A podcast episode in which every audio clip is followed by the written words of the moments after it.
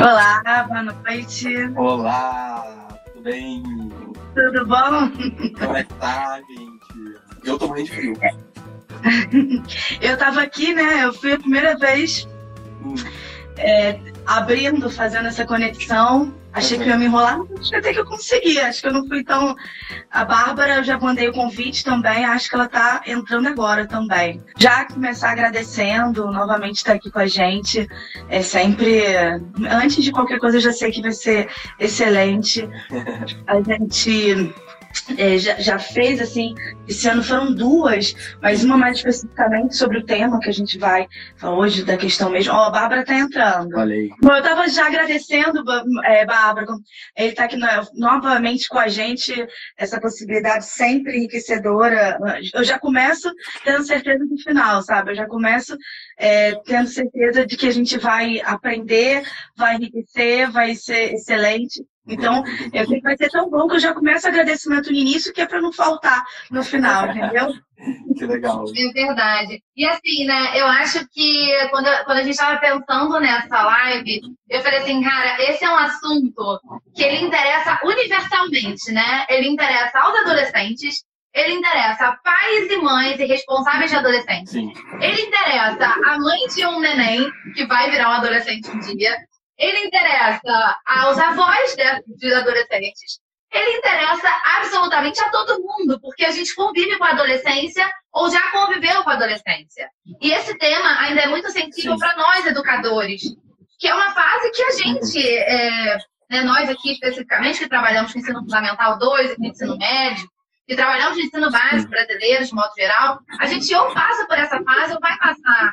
Então é um negócio que realmente é, muito universal o valor do que a gente está fazendo aqui hoje. Então acho que realmente agradecer, porque a, a, a gente tem uma extrema confiança no trabalho do Felipe e, assim, é uma paixão para além do trabalho para mim, sabe? Como pessoa me enriquece muito. Eu fico marcando a minha irmã nos posts, que ela tem duas filhas adolescentes, e eu fico lá assim, né?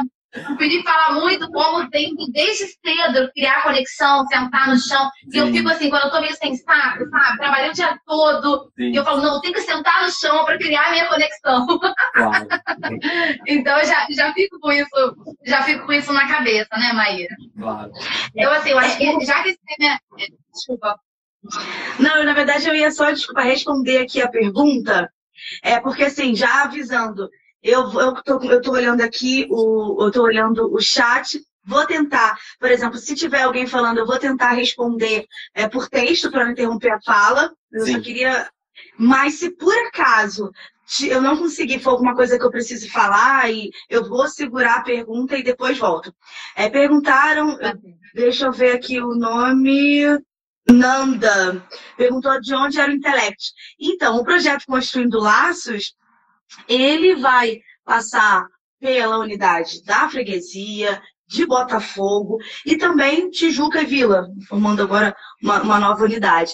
Então, tá, é um projeto que passa pela, pela rede mesmo, que vai ser pra, é de todos. Então, se você É, e é no Rio de Janeiro, né? Vale dizer isso e, também. então, é, de Botafogo, Freguesia e Tijuca e Vila, então você é, tá super é, convidada a participar e, e é para todo mundo, é para todo mundo se sentir bem-vindo. Porque nós somos, nós somos, nós estamos também com muitos seguidores do Felipe. Então, tem gente aqui que é de Porto Alegre, provavelmente, Claro. de vários lugares do Brasil. Claro. Então, o Intelectus é um colégio do Rio de Janeiro, que está em alguns bairros da Zona Norte e da Zona Sul. É, é um colégio que tem esse projeto, que é um projeto de, que a gente entende como um projeto de humanização da escola. Eu sou a Bárbara, sou professora de História do Intelectus. Né? A gente está aqui com a Maíra Pobel também, que é uma professora de, de, de História também, né? mas de Sociologia, ela tem dupla formação. É, vou me apresentar rapidamente, a Maíra também, e a gente passa finalmente para a nossa grande pergunta que motiva essa live, que é o Felipe é um médico ebiatra e a gente quer saber o que, que a ebiatria tem a ver com a adolescência. Então, rapidamente, meu nome é Bárbara, como já falei, sou professora de História, tenho mestrado em História Contemporânea, trabalho com a História das Mulheres, estou no doutorado também na Universidade Federal Fluminense, trabalhando com a mesma temática, e a Maíra aí para se apresentar rapidinho. É, Maíra, é, vou, sou professora de História, de Sociologia, é, trabalho hoje mais com ensino médio, fundamentalmente com ensino médio, primeiro, segundo, terceiro ano, e apaixonada por jovens. E assim, já vou, inclusive, falar, puxar para o nosso tema, que é a questão do bullying, que hoje me perguntaram assim, o que que dentro de sala de aula, desde o primeiro momento, eu comecei a dar aula antes mesmo de ter me formado, aula particular, algumas aulas, né, de o que seria uma monitoria, não era exatamente esse nome, mas era isso. E desde sempre, o que mais me chamava atenção eram essas relações tecidas pelos alunos dentro de sala de aula. Como que a escola é o locus da socialização, tanto para o bem e, e quanto para o mal também. Hoje, conversando com uma turma de terceiro ano, e no intervalo, a gente não ia para o intervalo porque a conversa foi, foi fluindo e contando das experiências, né? Os alunos têm a experiência seja porque sofreu, seja porque, sem saber na época, cometeu, ou porque presenciou e muitas vezes não sabia o que fazer. E hoje, até pelo, vamos dizer, o terceiro ano, já está mais velho, já ter talvez uma consciência um pouco maior, não que as outras idades não, não possa ter, fala assim, nossa, eu fazia umas coisas que são, é, que eram horrorosas. Uhum. Ou então eu vi acontecer e como é que eu não, eu não percebia que aquilo estava errado? Como é que eu não falava nada para ninguém? Então, eu acho que essa vivência de sala de aula ajuda a puxar e ajuda a perguntar. E a sua experiência? Por favor, se apresente e o palco é seu. gente, obrigado pelo convite mais uma vez, né, tá podendo trabalhar aí com a escola. É, quem está assistindo a gente no Instagram aqui é, é, a primeira live que a gente faz no Instagram, né? A gente já fez alguns trabalhos é, nos, nos bastidores da escola, digamos assim, né? Com os alunos e tal. Então, eu acho que também é muito legal a gente poder se apropriar desse lugar mais aberto, né? assim, que todo mundo que conhece o Intelectus e quem também não conhece o Intelectus pode estar é, tá ouvindo, e aí acho que principalmente, né, saber do trabalho que vocês fazem, né, do projeto que vocês têm, construindo laços, que eu acho que é muito legal e uma porta, assim, né, de acolhimento para dentro de é, de um lugar que é a escola que, na maioria das vezes, claro, é muito acolhedor, mas a gente pode acolher ainda mais sempre, né? Enfim. Então, obrigado pelo convite. É, então, vou me apresentar. Se vocês apresentaram, vou me apresentar. Meu nome é Felipe, é, eu não sou do Intelectus, eu fui convidado pela galera do Intelectus para conversar hoje aqui um pouco sobre bullying e adolescência.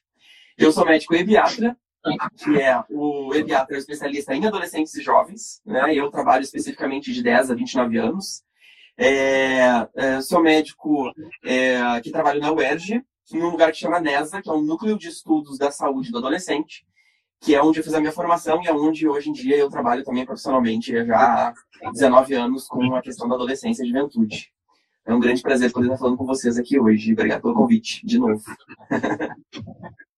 Desculpa, eu estou aqui respondendo.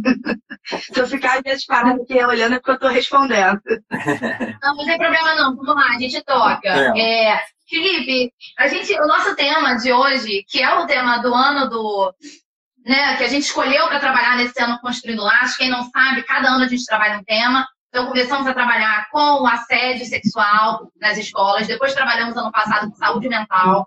Esse ano, nós estamos trabalhando com bullying. E eu acho que nós já entendemos que, na verdade, todos os anos o que a gente trabalha é com saúde mental, né, Maíra? A gente já chegou a essa conclusão que a gente trabalha, na verdade, com saúde mental, com todas as temáticas que possam afetar os nossos estudantes, os nossos discentes, durante esse percorrer que é maravilhoso, mas também que pode ser traumático, pode ser caótico. E a nossa função no Construindo Laços é transformar esse espaço no espaço democrático, no espaço mais acolhedor possível, tentando, se não por completo, eliminar essas práticas, mas pelo menos conseguir controlar né, a forma como elas acontecem, para que elas não aconteçam deliberadamente ou com qualquer tipo de aval de omissão. Claro. Então, diante desse nosso tema que é o bullying, eu queria, e de, da fala da Maíra sobre experiência, eu queria perguntar para você, na sua experiência médica, se você já tratou algum adolescente, algum jovem que tenha sofrido impacto do bullying na vida, assim. Uhum. E a minha outra pergunta que já emenda nessa é a seguinte: você já conheceu algum jovem, algum adolescente que se colocou como agressor, como a pessoa que produzia esse bullying, ou só como que sofria? É. Olha, vamos lá. É, acho que é importante, talvez, para a gente poder começar a conversar sobre isso, é entender que, assim, é, é, onde tem é, ser humano, tem bullying. Né? Assim, o bullying, ele, ele é uma terminologia que ele é muito mais o ambiente escolar, porque é o lugar onde mais acontece. Basicamente, pode acontecer bullying em outros lugares, em, em, em, por exemplo, em escritório, né, ambiente corporativo, etc., né, no trabalho, enfim, isso pode acontecer com adultos, etc. Mas é claro que acho que o ambiente escolar é o principal foco, que é onde, estatisticamente, ele explode, né?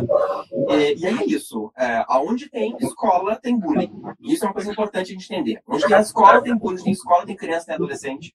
Onde tem criança adolescente tem bullying, né? Isso é do ser humano, né? A gente vem descrevendo academicamente o bullying, entendendo cada vez mais os mecanismos todos, né? E o porquê isso acontece e como a gente deve é, atuar e intervir. Mas a gente sabe que isso existe há muito tempo, né? Não é possível, não é agora só a gente está nomeando que agora que ele passou a existir, né? Coisas que existem desde a época dos nossos avós, é, mas que agora a gente está conseguindo entender melhor. Então, é, então, acho que é importante a gente entender isso, né? Assim, aonde tem uh, criança e adolescente, tem escola, tem bullying, né? E aí, é, é interessante a gente entender, acho que para início de conversa, o que, que é conceitualmente bullying, né? Porque às vezes a gente pode achar assim, ah, meu Deus, mas assim, as crianças se implicam mesmo, os adolescentes brigam, isso é, é, é da, da natureza do, do adolescente, etc. É, mas acho que é diferente as brigas e os ruídos que podem acontecer entre crianças e adolescentes, que é uma coisa normal do, do, da relação deles, do crescimento, do desenvolvimento, né? Conflitos fazem parte, né? Mas diferente dos conflitos eventuais, o bullying ele se caracteriza é, por conflitos e intimidações sistemáticas, repetidas, né? Com os mesmos atores. Então, acho que isso é importante a gente entender, né? Que tem é, a característica maior né, de, de violência, de humilhação, de intimidação, é, por parte é, de uma figura que é o agressor e outra figura que é a vítima, né? Então, tem esse, esse, esse, esse binômio, né? E é importante entender que isso é de forma sistemática, né? Então, isso que acho que faz a diferença é, dos conflitos eventuais que os adolescentes podem ter crianças e adolescentes. Né? Então, essa é a grande questão. E aí, lembrar que a gente não tem só dois atores nessa história do bullying. Né? A gente tem, normalmente, a gente tem três atores. Que normalmente tem o agressor, tem a vítima e tem o espectador.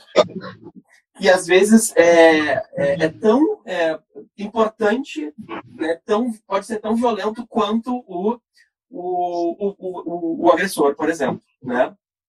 E aí, dentro dessa gama de possibilidades, né, assim, é, eu acho que se a gente for pensar um pouco sobre a nossa vida de adolescente ou sobre, é, você está falando dos adolescentes mais velhos, né, olhando um pouco mais para a adolescência inicial, é, de um jeito ou de outro a gente já participou de alguma cena de bullying, é, ou, ou como agressor, ou como vítima, ou como espectador, né?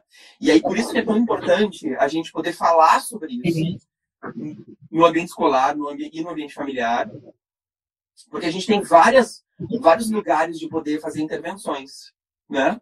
Não só com o agressor, como com a vítima, como, por exemplo, a plateia. Né? Que a gente tem vários tipos de plateias também, né? Tem aquele espectador que olha e tem medo de se oferecer a próxima vítima e não faz nada. Mas também tem aquele jovem que, que, que é mais empático e diz, não, peraí, o que, que é isso? O que está acontecendo? Não é possível. Isso não vai acontecer. E aí intervém na hora, ou fala para alguém, ou chama um adulto, etc. Então, só para a gente entender também como a gente tem uma gama grande de possibilidades de intervenção. E aí, entendendo, entrando mais na sua pergunta, sim, já atendi muitos jovens é, em que às vezes não é a queixa principal da consulta, né? E isso é uma coisa muito comum em, muitos, em muitas situações de violência cotidiana dos adolescentes e das famílias, né? É, normalmente o jovem não vem para consulta dizendo, ah, eu sofri bullying, ou ah, eu sofri uma, uma violência doméstica, ah, eu sofri um abuso sexual. Nunca é assim. As violências, elas sempre vêm disfarçadas, digamos assim, de outros sintomas, né? Então, assim, é uma dor de cabeça, é uma irritabilidade, é um, um, um enjoo, uma vontade de vomitar todo dia antes de ir para a escola, é, ou não conseguir dormir à noite, ansiedades, etc., irritabilidades, etc., etc., né? E aí você vai indo é, com muita delicadeza, né? E aí tem toda uma técnica, claro, do ponto de vista do, do atendimento do médico, do pediatra, é, para indo e chegar até, às vezes, na segunda, terceira, quarta consulta. É, mas às vezes não, na maioria das vezes, no primeiro momento, a gente já consegue identificar uma situação de bullying mais grave, sabe? E eu acho que se eu puder lembrar, assim, uma que me chamou muita atenção, é... eu acho que tem uma coisa que tem se potencializado muito, de uma menina que tinha tentado já por duas ou três vezes suicídio porque ela tinha sofrido um grave cyberbullying. É, que eu acho que é um bullying também que se potencializa muito, né? Assim, ainda mais hoje, é, neste momento que a gente está vivendo. E durante a pandemia, né? Assim, intensificou demais. Exatamente, momento pandêmico a gente está totalmente conectado, os jovens estão conectados, conversando em, né, entre eles. O pelo... cyberassédio também cresceu muito. A gente teve denúncias, né, Maíra? Ah. De assédio sexual em, em celular, em, no ambiente digital, né? Exatamente. É, tem como pensar na questão. Agora, ficar com medo de ir para a escola também ocorre total, né? Principalmente nas crianças mais, na, nos jovens mais, mais novinhos, né? A gente tem é, é, relatos de, de, crianças de até 8 anos que já, já sofrem bullying e praticam bullying, né? E acabam sendo agressores também.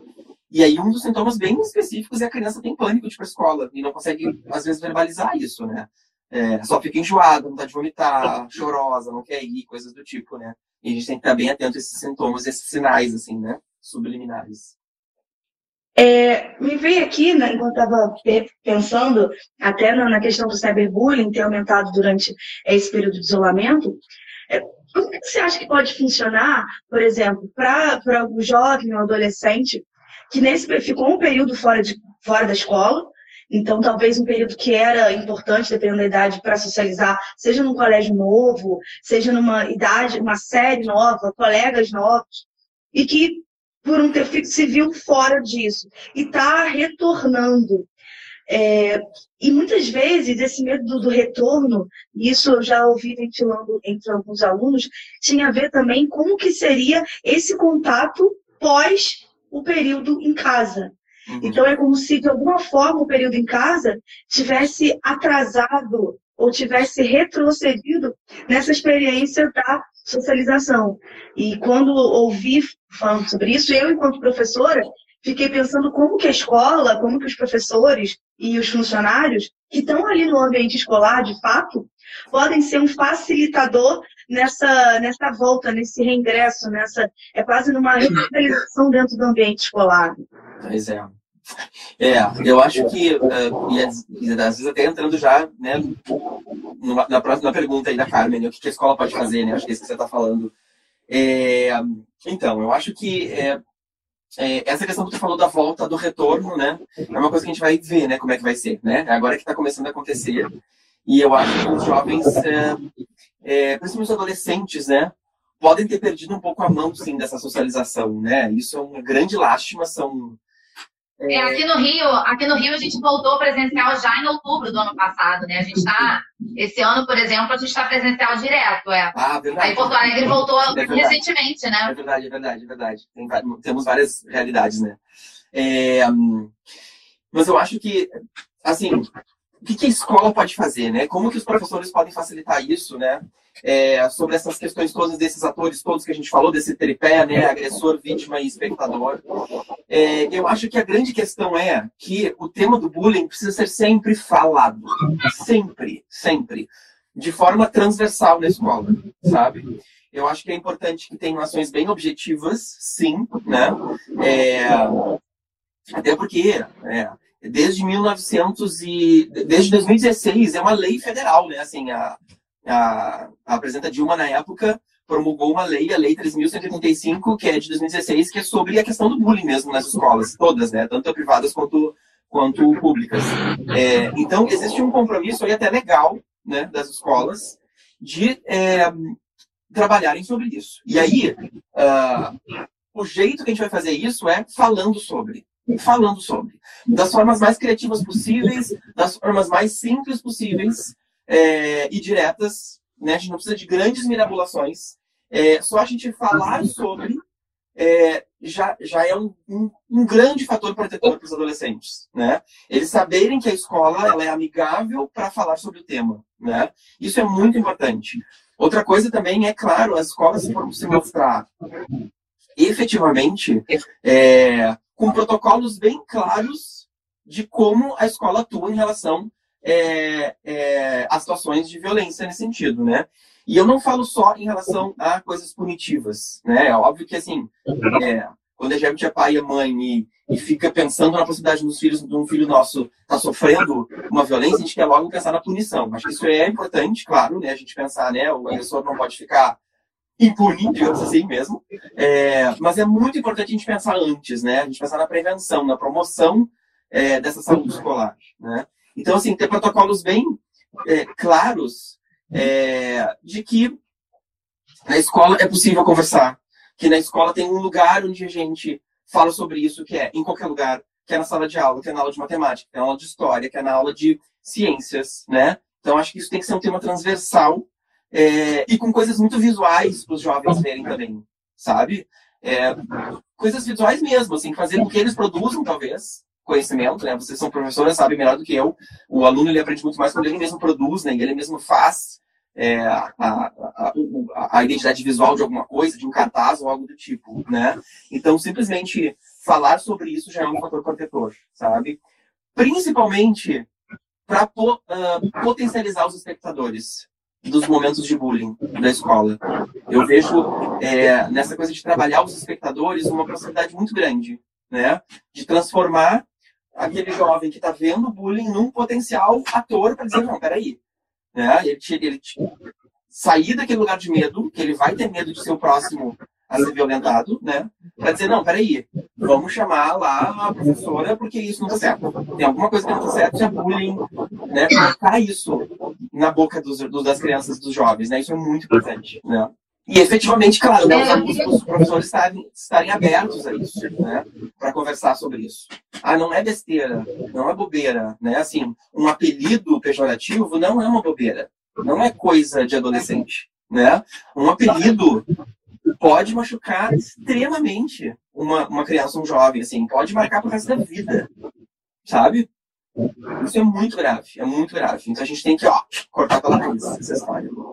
Eu gostaria de, assim, eu estava falando na, nas outras lives que a gente fez, né, que gente, nós fomos entrevistadas nesse quesito de bullying também, nós fizemos muitas pesquisas, né, para poder trabalhar com isso. E eu, sinceramente, eu acho que o termo bullying, ele, ele, é, ele é amplamente divulgado, mas eu gosto muito do termo brasileiro, que é essa intimidação sistemática, porque eu acho que ele qualifica de uma forma mais precisa o que é bullying. Uhum. Porque a linha tênue entre o que é bullying e o que é uma brincadeira aspas saudável ela é o outro. E esse lugar do outro é de difícil acesso. Uhum. A gente não consegue perceber qual é esse lugar do outro, porque nós sempre vamos interpretar a partir das nossas crenças, nossos valores, uhum. o que nós achamos né, é, negativo ou não tem a ver com a nossa percepção de mundo. Claro. E assim, a gente sempre tem trabalhado aqui a noção da escola como microcosmos da sociedade. Sim. E essas violências na escola, elas podem ser perpetuadas para a vida adulta. Claro. E é o momento que a gente entende que há uma semelhança grande entre a questão do assédio e a questão do bullying. Né? Porque você tem é, esses três componentes também podem estar presentes, e mais do que isso, tem essa questão né, do ser sistemático e tem dessa da saúde mental da vítima. Então, Felipe, eu não sei se a Maíra quer perguntar outra coisa, mas a tua fala, assim, o que eu gostaria de perguntar, como mãe, como educadora, é assim, é, como que eu crio esse espaço de segurança no meu filho, na minha filha, para que ele consiga falar abertamente comigo que ele sofre esse tipo de violência. E, e, assim, porque há também um receio, imagino eu, né? Eu nunca sofri bullying, eu não posso. É, ainda bem também nunca me senti na posição de agressora, mas assim, já vi muita coisa acontecer, muitas vezes fui omissa, uhum. algumas vezes consegui enfrentar, principalmente quando fiquei mais velha, então consegui ter mais força para isso. E na minha casa, eu falaria pra minha mãe se eu sofresse algum tipo de violência, mas assim, eu sabia que o meu irmão sofria e sabia que a forma como ele falava, assim, era muito distante daquilo. Sim. Então, a minha pergunta é para as mães e para os pais que estão observando a gente, mas também para os filhos. É uma pergunta dupla. Como eu posso me comunicar com os meus pais sobre isso sem eles terem uma reação exagerada que vai fazer com que eu não queira falar, porque eu posso ser ridicularizado e o bullying pode ser ampliado? Uhum. E como eu, como pai e mãe, ao receber uma notícia dessa, posso atuar? Como criar esse espaço de segurança? Claro. Tem alguma dica para dar? Porque essa é a pergunta de um milhão de, de nem sei, um milhão de reais, né? Show do milhão e você chegou na última. É. E eu, porque isso me importa. É, é engraçado para mim hoje estar nessas, nesses dois espaços, assim. Uhum. Porque eu me preocupo tanto com o adolescente que está sofrendo bullying, quanto com o pai e com a mãe que recebe essa notícia. Porque na frente do meu filho, eu acho que eu ia ter que ter um autocontrole para que esse espaço continuasse a existir, não virar louca de que não vai deixar né, o meu filho ser agredido. Quando, na verdade, a minha ideia quando meu filho é agredido é fazer com que outras mães não tenham que passar por isso e, portanto, buscar um processo de ressocialização desse adolescente que está praticando Sim. Que eu acho que é isso. Sim. Eu acho que falta o limite do outro. O bullying é uma total ausência de empatia, porque falta o outro Sim. nessa relação. Então, minha pergunta é um milhão de reais mesmo. Você vai ganhar isso se você conseguir. Mas eu vou me meter na pergunta de um milhão de reais, porque é, a sua pergunta vai ter ainda aqui, ó. Eu estava vendo as, as perguntas que estão acontecendo.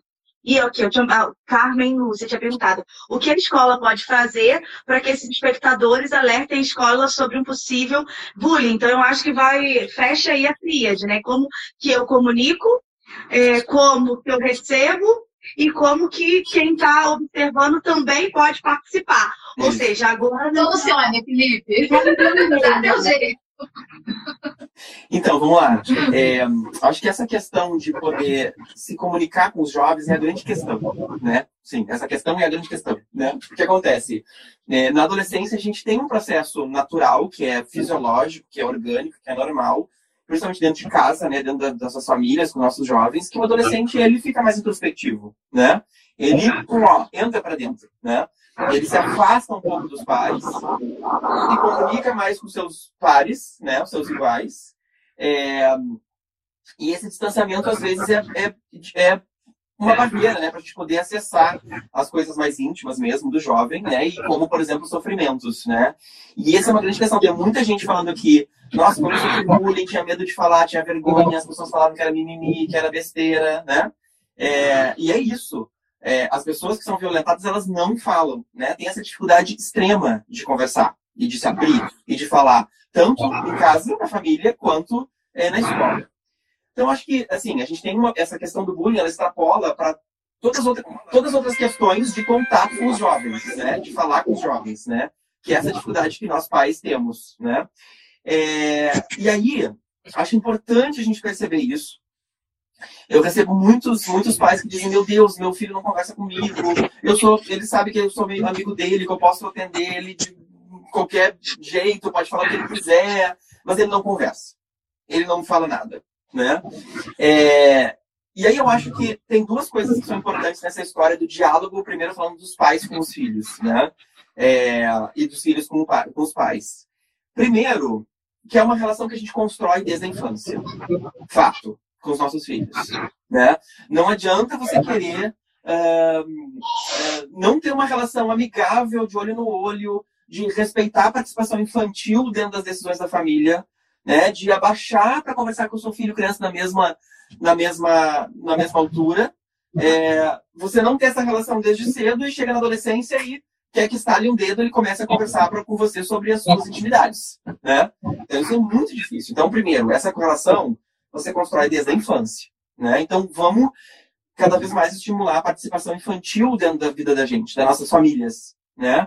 Ouvir a opinião das crianças, brincar com as crianças. Brincar é um, um elo fundamental. Né? Assim, a gente que é pai, que é mãe, é, a gente tem que resgatar o brincar.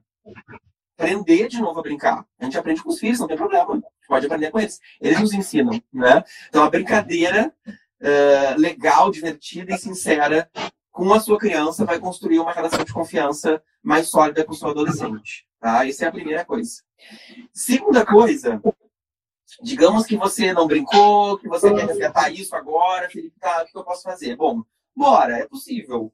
Vamos construir uma relação de amizade com o seu adolescente? Vamos. Para que ele possa contar suas intimidades com ele? Bora. Então, assim, como que a gente constrói uma relação de amizade entre duas pessoas, normalmente, assim, né? Dois adultos, digamos. Digamos. É uma relação de troca, né? Você fala uma coisinha sua, uma intimidade sua, aí você ouve um segredinho do outro, aí você conta um segredinho seu, aí você ouve uma outra coisa do outro, né? É uma relação de troca. Então, assim, com seu filho adolescente, é possível você ser amigo dele? Eu acho que sim. Acho que é possível. Acho que pai e mãe pode ser amigo de adolescente? Pode. Claro que não vai ser aquele amigo igual o amigo adolescente, né? Porque a gente não é mais adolescente, claro que não. Mas eu posso construir uma amizade com meu filho, claro. De que forma? Começa por você. Começa a contar um pouco das suas coisas para ele.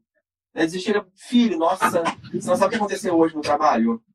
Nossa, a pessoa me, me, desconsiderou, falou mal comigo, me senti tão humilhado. Olha o que aconteceu. Aconteceu isso, isso, isso. O que você acha? Eu reagi de tal forma, não sei nem se vai dizer certo. O que você acha?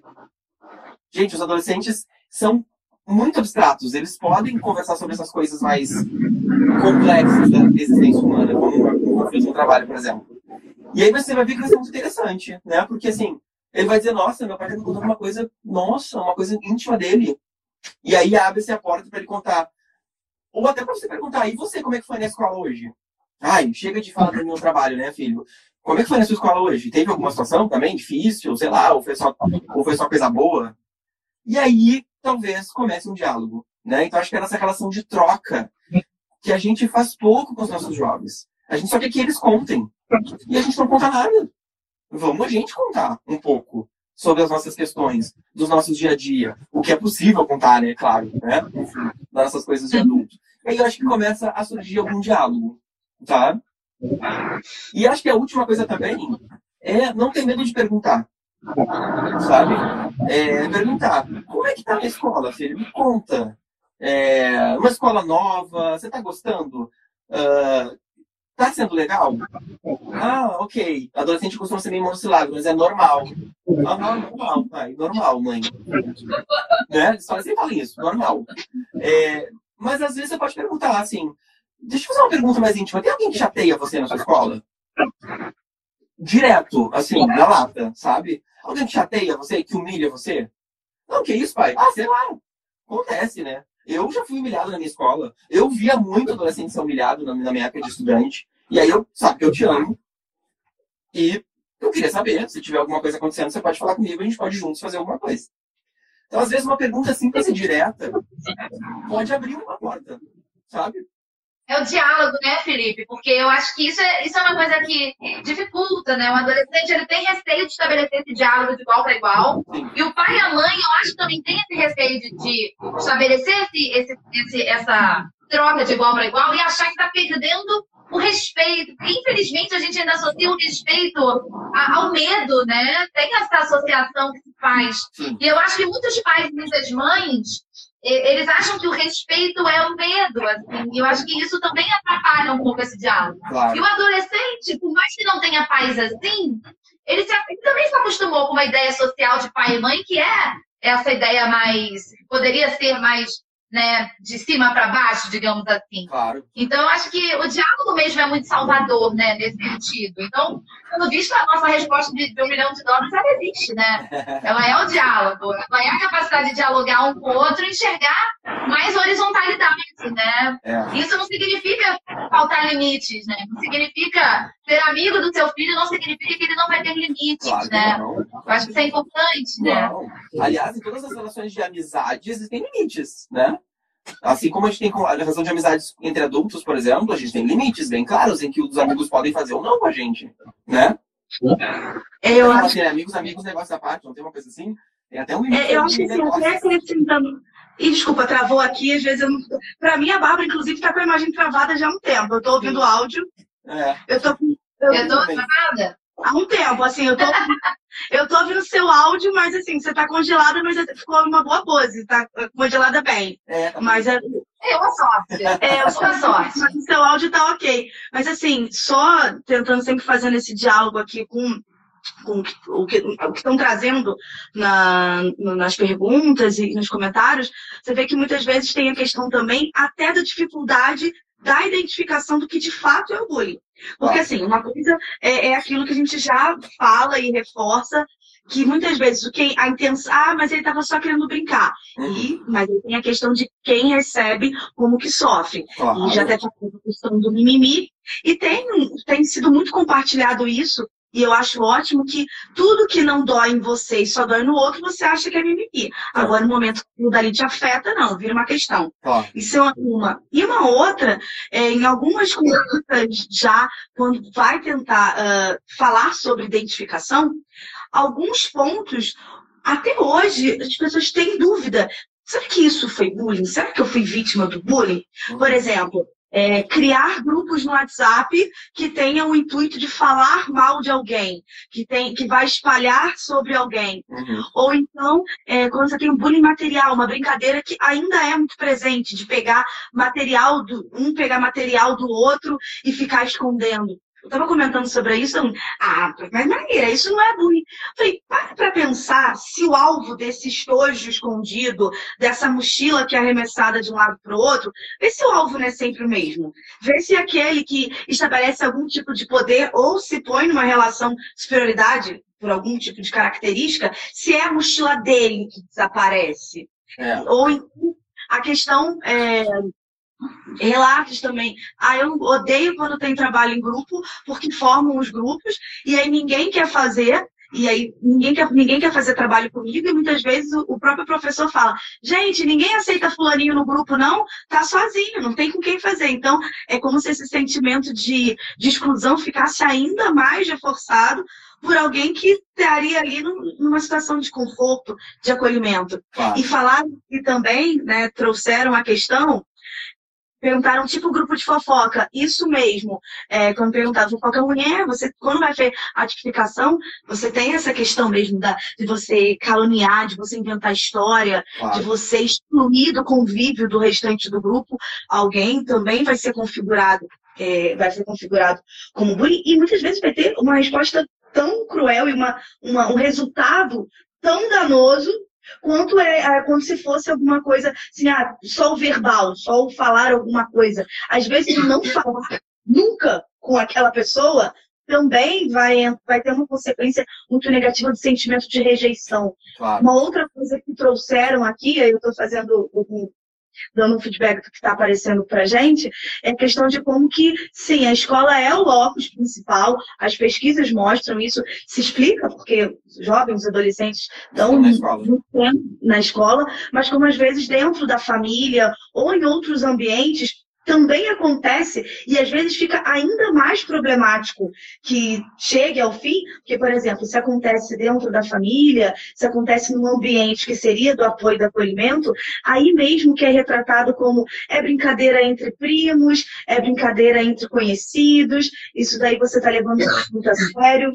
Então, eu trouxe um, um apanhado até para que você fale com a gente e, e, e, responda mesmo como que seria assim a forma mais fácil ou de repente a forma mais elucidativa, mais imediata da pessoa entender assim, não, isso não é simplesmente um grupinho para falar de fulano, porque eu não, eu não sou, não, não faço bullying. Como que às vezes é difícil você se ver no papel do agressor. É. É, eu acho que. É, só, pra, só antes de você comentar, Maíra, eu gostaria de falar, porque muita gente que está falando, falando assim, ah, eu já achei que era mimimi, me falaram que era mimimi. Eu gosto sempre de clarificar, como eu vi na internet, que mimimi é a dor que não dói em mim, né? Então, eu acho que é, tem muito a ver com essa discussão aí que você pediu para o Felipe falar. É. Mimimi é a dor que dói no outro, não é a dor que dói em mim. É. Então, acho que é isso, né? Quando a pessoa fala que sente bullying, que ela está tentando ali formar, ó, eu acho que isso é bullying. Aí ela vai falar, alguém responde assim, não, isso, isso sempre aconteceu, isso é uma brincadeira. Eu acho que, que tem a ver também com essa, com essa discussão, né? Sim, sim. É, eu acho que o principal questão que você está perguntando, né, assim, de como identificar, é, é isso até que a gente, você já falou, assim, né, é identificar a repetição. Essa que é a grande questão, né? É, como eu disse no início, assim, né? Conflitos entre os jovens sempre vão existir. Jovens, crianças, enfim, né? Uma briga aqui, uma discussão ali, coisa do tipo. Mas quando ela é repetida, é isso que é preocupante, né? Ou seja, sempre aquele mesmo jovem é, é, que sofre uma determinada situação, ou é sempre aquele mesmo grupo que é excluído, né? Isso, essa questão da repetição que é a questão, né?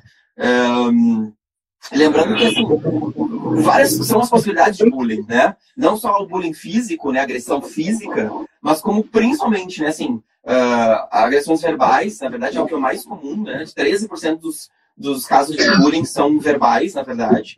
É, tem muito essa questão do bullying escrito também, que é de fazer bilhetinho, fazer pichação, coisas na, na, na classe ou no banheiro, falando né, do nome de alguém, né? É, cyberbullying, a gente, a gente já falou. Essa do material é muito importante, né? Assim, é pegar mochila, jogar mochila no lixo, é, esconder, jogar para lá para cá, borracha de alguém, coisa do tipo. E é isso. Sempre, normalmente, né, acontece de forma repetida. É isso que caracteriza o bullying, né? E a gente tem aquele perfil, né, do, do jovem que sofre o bullying, que é o jovem que normalmente é mais introspectivo, é um pouco mais tímido, é, é, tem as suas questões de ser um pouco mais isolado, aquele jovem que come sozinho no, no seu lanche no recreio, come sozinho, né? fica excluído das atividades de grupo. Então, por alguma situação, por alguma característica, às vezes só por timidez, só porque é um jovem mais tímido, ele acaba sendo excluído e sofrendo bullying, né? Mas a gente tem muitas características aí, né? Físicas, uso de óculos, uh, jovens que estão um pouco mais acima do peso. É, eu acho que tem um grupo importante também, que são os jovens LGBT, que ia mais, que são jovens que sofrem muito, muito bullying, né? Assim, 68% das pessoas LGBT relatam que sofreram bullying na infância, né? Simplesmente por serem LGBT, né? Por, por, por estar dentro do espectro da, da sexualidade diversa. Então, acho que é importante também a gente poder identificar é, esses movimentos e esses perfis é, para a gente mesmo, como espectador, jovem, os jovens estão escutando, né? É, poder também se dar conta de que aquilo não está legal, né? De, de o quanto aquele, aquele outro jovem está tá sofrendo, né? É, dentro dessa capacidade de poder se colocar no lugar do outro, né? Que a gente chama de empatia. Acho que isso é muito importante, muito importante. Até poder trabalhar dentro de casa, né? Porque tem uma questão, meninas, que a gente não falou, mas que é interessante estar falando de como identificar a vítima, né? É, de a gente poder conversar, etc. Mas você sabe que é mais difícil ainda de a gente, enquanto pais, identificar o nosso filho agressor. Porque é, você vai conversar com ele e vai dizer, como é que tá a escola? Ah, tá ótimo. Tá tudo bem. Né? E pra ele, normalmente, tá... é, normalmente o agressor é um cara mais popular, é, é uma pessoa que está mais, né, mais por cima da história toda, sempre, né? Não está sofrendo a princípio nenhuma agressão, então está de boas, né? Ou não, né? Às vezes alguns agressores também estão em processo de sofrimento, né? Isso é importante a gente também entender, né? É... E aí você vai dizer, como a gente vai trabalhar o agressor, né? Bom, a gente acha que tem que trabalhar... Era uma pergunta que eu ia fazer. É, todos nós, como potenciais agressores, né? Nós, seres humanos, cidadãos, né, que a gente acaba reproduzindo as violências, isso é fato, mas principalmente com os nossos filhos adolescentes, a gente precisa muito de colocar limites. Né? Acho que o limite é uma, é uma palavra e é uma, é uma ação fundamental na criação de filhos adolescentes. Né? Amor, escuta, carinho é super importante, mas é muito importante eles entenderem que existem limites claros é, nesse processo de adolescer. Né? O adolescente quer se expandir, quer se colocar no mundo, isso é normal, ele quer transgredir, ele vai transgredir. O papel do adolescente é transgredir. Se ele não estiver transgredindo, ele não está bem. Mas, em contrapartida, o nosso papel é de colocar limite. A gente, inclusive, a gente é mais esperto, né? A gente é adulto, a gente tá nesse, rolê aí da vida há mais tempo. A gente pode até saber, ó, hum, tá transgredindo. A gente sabe. A gente pode até fazer com ficar com um risinho é, no canto da boca, sobre de Mona Lisa, sabendo que está transgredindo e achando até bonito. É, porque é bonito, né, esse processo dos adolescentes de transgredirem, de falarem e tal. Mas o nosso papel é de colocar limite. Né? A gente vai colocar os limites nessa transição e dizer, não pode. Até aqui você pode ir, até aqui você não pode. Isso pode dar alguma borda para a pessoa. Né? colocar ele no lugar de saber que existem alguns limites em todos os lugares da vida, não só em casa, mas aí esse limite de casa reverbera para esses outros lugares da sociedade, né? Como escola, relação com outros amigos, etc, etc. É, tem uma pergunta aqui que eu achei muito interessante. É, foi feita pela Rê Gomes Andrade, que diz assim: Meu filho tem síndrome de Asperger e sofre bullying na escola. É perseguido pela mesma pessoa e a escola trata como brincadeira de criança. Como fazer essa escola entender que está equivocada?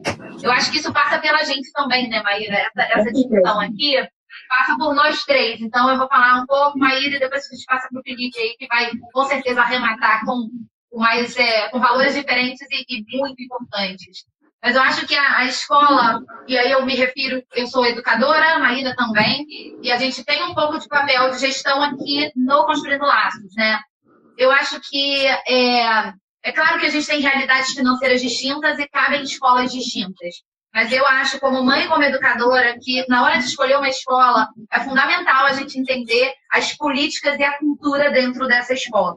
Né? Eu acho que isso é um papel que, como mães e pais e como responsáveis, nós precisamos começar a ter esse papel mais próximo e mais integral na hora de escolher uma escola. É eu passei por isso. No início do ano, eu tive que escolher uma escola para o meu filho e a escola que eu queria que ele estudasse não cabia na minha renda. Isso é muito doloroso, assim, como pai, como mãe, eu entendo isso perfeitamente. O mundo que a gente vive nos cerceia a possibilidade de escolas mais integrais. Mas tem escolas que, que não precisam necessariamente ser caras, porque o interessante é a gente entender a cultura da escola. As escolas que têm uma cultura acolhedora, elas não vão olhar uma, uma intimidação sistemática como uma brincadeira. Especialmente com alunos de inclusão, que todos os alunos precisam ser incluídos. Nós todos temos que ser incluídos. A Lilian, que é a especialista em inclusão, que trabalha no Intelectus, ela fala isso o tempo todo. É, ela falou para mim, na frente da turma, Bárbara, você não teve que ser incluída quando você entrou no Intelectus? Eu estou há 10 anos no Intelectus e eu continuo tendo necessidade de ser incluída em diversos momentos. Mas os uhum. alunos de inclusão, eles têm uma necessidade maior desse acolhimento. Então, a gente conhecer a cultura da escola é um passo fundamental, porque o Construindo Laços, ele é recente, ele tem três anos. Mas a cultura de acolhimento do Intelectus, ele já existe, é, ele é pré-existente em relação ao construindo laços. Então, assim, o conselho que eu dou a você e a qualquer pai e mãe é conhecer essa cultura escolar. Porque é difícil para uma escola que não tem esse olhar acolhedor começar a ter por causa de uma movimentação tua. Então, eu sugiro que você entre em contato com outros pais e outras mães. E quando esse apelo for maior, o coletivo é mais fácil. E também sugiro que é, que essa relação com a escola tem que ser mais próxima, nesse sentido, né? De escuta. Porque se a escola não está acolhendo o teu filho, provável que ela também não te acolha. Então, isso tem a ver com a cultura escolar também. Então, para a gente pensar bem na hora de onde a gente vai colocar né, os nossos filhos, a cultura que aquela escola carrega, que nem sempre, nem sempre o preço dita isso, tá? Tem escolas que estão super caras e que não tem culturas acolhedoras, e tem escolas Sim. acessíveis que tem. Sim. Então, é. eu acho que a minha visão é, é um pouco nesse sentido aqui como educadora, e hoje é isso que eu procuro numa escola. Eu procuro ver essa cultura muito mais do que o preço. Claro. É. é, eu acho que tem uma coisa importante aí, que é, vou falar um pouco daí, claro, da área da saúde, assim, né? Acho que isso que a Maria falou é importante, né? Acho que a primeira coisa é você ir na escola, tentar conversar sobre isso na escola, né? Já que se se se se está acontecendo uma situação pontual mesmo, né? Mas nunca esquecer também é, do, do Estatuto da Criança e do Adolescente, né? Que ele protege o seu filho, né? Contra violências, contra a, saúde integral dele, né? E se ele está sofrendo uma violência na escola, ele está com a sua saúde é, integral desprotegida, prejudicada, né?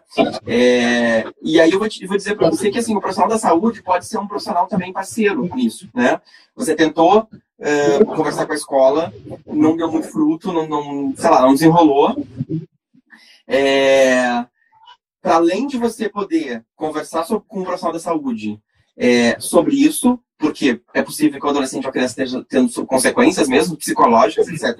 Isso, né? O profissional da saúde ele também pode tentar fazer uma intervenção na escola. Então, assim, às vezes esse lugar de fora, né, pode dar uma mexida no, na estrutura escolar, né? Uh, não sei se estou sendo meio radical aqui, meninas, vocês que são do ambiente escolar, mas eu, no, meu, no meu ambiente de trabalho eu tenho algumas situações em que a gente vai até as escolas e senta e conversa e às vezes são conversas muito boas, assim. É... Não, eu acho ótimo, Felipe. Que bom que tem essa possibilidade, eu nem sabia. Total, porque assim, se eu vejo um adolescente sofrendo violência em qualquer âmbito, em qualquer lugar da sociedade, eu, pelo estatuto da criança e do adolescente, eu tenho uma, uma obrigação de notificar o conselho tutelar, né? É, e aí eu, enquanto profissional de saúde, posso sentar junto com o conselho tutelar, sentar junto com essa escola e conversar sobre. Né? E a gente já teve situações muito legais que a escola disse, meu Deus, a gente estava assim, estava embaixo do nosso nariz e a gente não estava enxergando, né? E a escola foi, sim, acolhedora e disse, muito obrigado. É, a gente pensar aqui dentro da nossa casulo também, e, e, e, em situações que foram muito efetivas, sabe? Que foram possíveis dar um, um sacudidão na estrutura escolar e, e as coisas andaram da melhor forma, sabe? É, eu, eu assim, Bárbara, você ainda continua congelada, tá? Só pra. Eu vi que tava. Eu, você não voltou em momento algum, assim, é pra ver. Não, e eu vi que tava falando que tava sem som. Eu acho que algumas pessoas tiveram alguma questão, tá? Porque a maior parte estava conseguindo ver. É. Acho que era Pedro. Pedro, dá uma olhadinha para ver se tem alguma configuração do, do seu computador tá? O celular, não sei onde você está assistindo. É, sobre essa questão da escola, é, aí eu vou levar, eu não, não vai ser a visão de uma mãe, eu não sou mãe na em busca, e nem na questão de um profissional de saúde. Eu vou falar bem no papel de uma de socióloga mesmo, de alguém que vai estar atenta às dinâmicas sociais, no sentido de que a gente, mais uma vez, falou sobre a questão de que muitas vezes falavam que é mimimi, que é brincadeira. É, a sociedade ela se transforma. Então, práticas que eram vistas como aceitáveis, como normais, elas, em algum momento, a gente consegue perceber que não, que não são. A, a, sociedade é necessariamente dependente de crítica às suas tradições, ainda mais quando elas é, são percebidas como algo nocivo, como algo que precisa mudar, como algo que causa dor. Então, se é uma dor recorrente, se é uma dor que há muito tempo alguma pessoa sofreu, isso não significa que as pessoas precisam para sempre sofrer as mesmas dores. Que isso pode ser mudado. E, assim, o primeiro ponto às vezes falam, ah, mas bullying, na minha época já existia isso, só que só não tinha nome, o mais forte sempre bateu no mais fraco. Agora que tem esse nome, mas a prática sempre existiu. Sim, a prática sempre existiu. Talvez o que não existia era a consciência de quão problemática essa prática é. E hoje tem. E que bom que hoje tem. Que bom que a partir do momento que a gente identifica, a partir do momento que se vê não, não pode ser assim, não, as consequências é, são muito profundas. É, eu acho que isso passa até por um histórico de educação, a forma como a educação se desenvolveu. Se você pensar há um tempo atrás, castigos físicos eram normalizados dentro do ambiente escolar. Tempo do Lancaster, forma... né? Palmatória. Exatamente como forma de punição. Então, se você tinha os próprios agentes educadores utilizando da violência ou botar o chapéu do burro, virar, ficar virado para a parede, se essas práticas elas já eram feitas por quem estava no papel de educar, é, não é inconcebível que você tivesse uma consciência entre pares. Se na hierarquia já existia pares, isso é pior ainda. E a primeira mudança já ocorreu.